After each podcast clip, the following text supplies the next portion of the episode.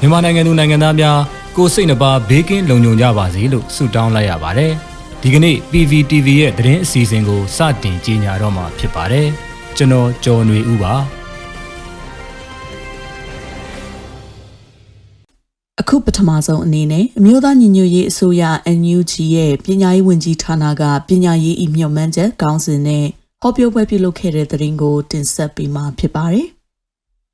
မျိုးသားညီညွတ်ရေးအစိုးရပညာရေးဝန်ကြီးဌာနအနေနဲ့ကျောင်းသားကျောင်းသူလူငယ်တွေစဉ်ဆက်မပြတ်ပညာသင်ယူနိုင်ဖို့အတွက်သက်ဆိုင်ရာပြည်တွင်းပြည်ပပညာရှင်တွေနဲ့ဆက်သွယ်ချိတ်ဆက်ပြီးအွန်လိုင်းပညာရေးနည်းစနစ်ဖြင့်ပညာရပ်များကိုသင်ကြားပို့ချပေးလျက်ရှိပါတယ်။အဲ့ဒီလိုအစီအစဉ်တွေတဲက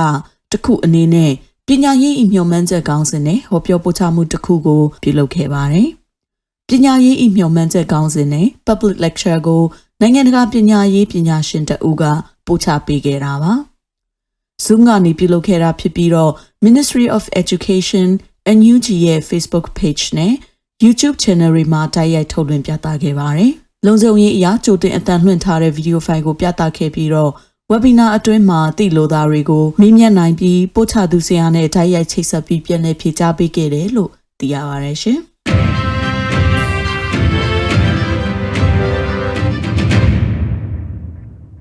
အကြံဖက်စစ်ကောင်စီရဲ့တရားမဝင်ငွေဆက်ကူရိုက်နှက်ထုတ်ဝေရမှာပူပေါင်းမဲ့စီးပွားရေးလုပ်ငန်းတွေနဲ့ကုမ္ပဏီတွေကိုအမျိုးသားညီညွတ်ရေးအစိုးရကအရေးယူမယ်ဆိုတဲ့သတင်းကိုတင်ဆက်ပေးမှာဖြစ်ပါတယ်။အကြံဖက်စစ်ကောင်စီကလက်ရှိအချိန်မှာငွေဆက်ကူအသစ်ရိုက်နှက်ဖို့အတွက်တရားမဝင်နီလန်ပေါင်းစုံနဲ့ဥပဒေမဲ့လုပ်ဖို့စီစဉ်နေပါတယ်။အဲ့ဒီလိုလှုပ်ဆောင်မဲ့အစီအစဉ်ထဲမှာတတိနီနဲ့ပေါင်းဝင်မဲ့စီးပွားရေးလုပ်ငန်းတွေနဲ့ကုမ္ပဏီတွေကို အကြမ်းဖက်မှုအားပေးကူညီရာရောက်တဲ့အတွက်အညူကြီးအစိုးရအနေနဲ့မှတ်တမ်းယူပြီးအရေးယူဆောင်ရွက်မှုတွေပြုလုပ်သွားမယ်လို့သတင်းထုတ်ပြန်လိုက်ပါတယ်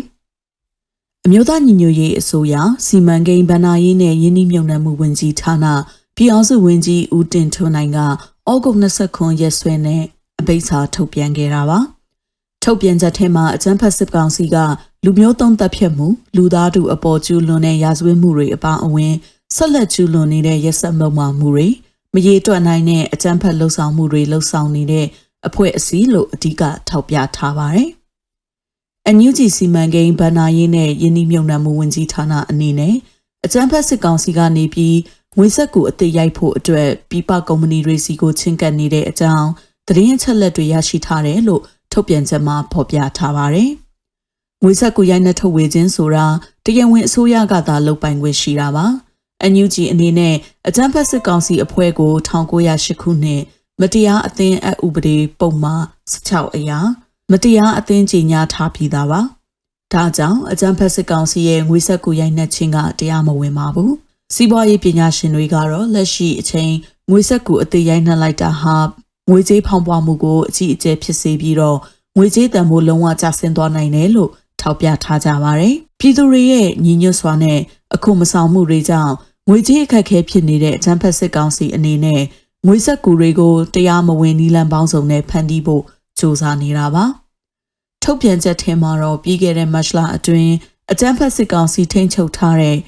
ငွေဆက်ကူနဲ့ငွေကြေးဆိုင်ရာစာချုပ်စာတမ်းပုံနှိပ်ဆက်အတွက်အဓိကလိုအပ်တဲ့ဤပညာနဲ့ကုန်ကျန်းတင်ပို့မှုတွေကိုမူဝါဒခိုင်မာစွာနဲ့ကျင့်ဝတ်မှန်ကန်စွာချက်ချင်းရက်စဲပေးခဲ့တဲ့ GND GmbH ကုမ္ပဏီရဲ့ ဂုံတိတ်ခါရှိတဲ့တာဝန်ခံဆောင်ရွက်မှုတွေကိုဆန္ဒမူထားအတူယူပြီးအကြမ်းဖက်စကားစနဲ့စီးပွားရေးအဆက်အဆံမလုံးဝမလုပ်ကြဖို့တိုက်တွန်းထားပါတယ်။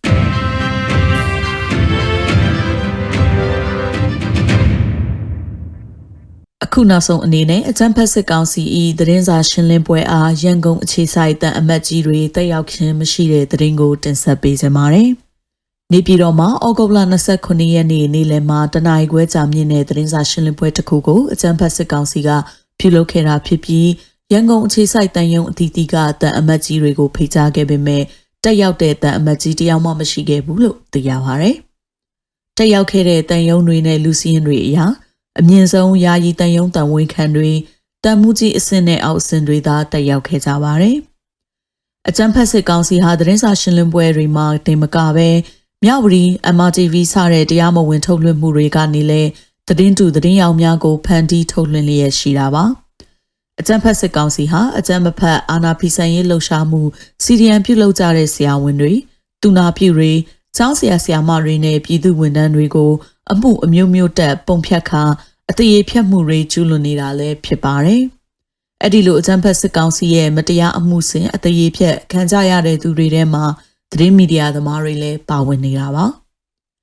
မန္တလေးတိုင်းပြည်ဦးလွင်စေယုံကြီးကနေ CDM လုပ်ပြီးကိမရွာကရွာသူရွာသားတွေကိုကုညီမှုတွေလုပ်ပေးနေတဲ့သူနာပြုဆရာကိုစီတူလွင်ကိုလည်းလက်နက်ကိုင်းလှုပ်ရှားမှုတွေမှာပါဝင်နေဆိုပြီးချင်းချောက်ထွက်ဆိုခိုင်းကအကြမ်းဖက်စစ်ကောင်စီကထုတ်လွှင့်ပြသခဲ့ပါသေးတယ်။ CDM တူနာပြုဆရာကိုစီတူလွင်ဟာစစ်ကောင်စီတပ်တွေကကိမရွာကိုမိရှုဖျက်ဆီးပြီးနောက်ပိုင်းမှာ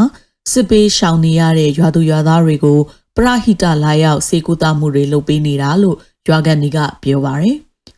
လူလိုက်တဲ့ဆေးပစ္စည်းတွေကိုသွားထုတ်ချိန်မှာစစ်ကောင်စီတပ်တွေကမေးစရာရှိတယ်ဆိုပြီးဖမ်းဆီးသွားတာဖြစ်ပါတယ်။မိရှုခံရပြီးထွက်ပြေးရတဲ့သူတွေကိုစေတနာနဲ့လာရောက်စေကူတာကူညီနေသူကိုသူဘာမှမပတ်သက်မတိသားတွေကိုတမင်လိန်ညာ ထွက်ဆိုခိုင်းနေတာကြည်ရင်အကြမ်းဖက်စစ်ကောင်စီရဲ့ဝန်ခံထွက်ဆိုချက်တွေဆိုတာဟာအလိန်အညာအကြံအဖန်တွေဆိုတာတက်သေးထပ်ပြသလိုဖြစ်သွားပြီလို့ကိုစီတွန်လွင်ရဲ့လှုပ်ဖော်ကိုင်ဘတ်စေဝန်တန်းတွေကပြောပါရယ်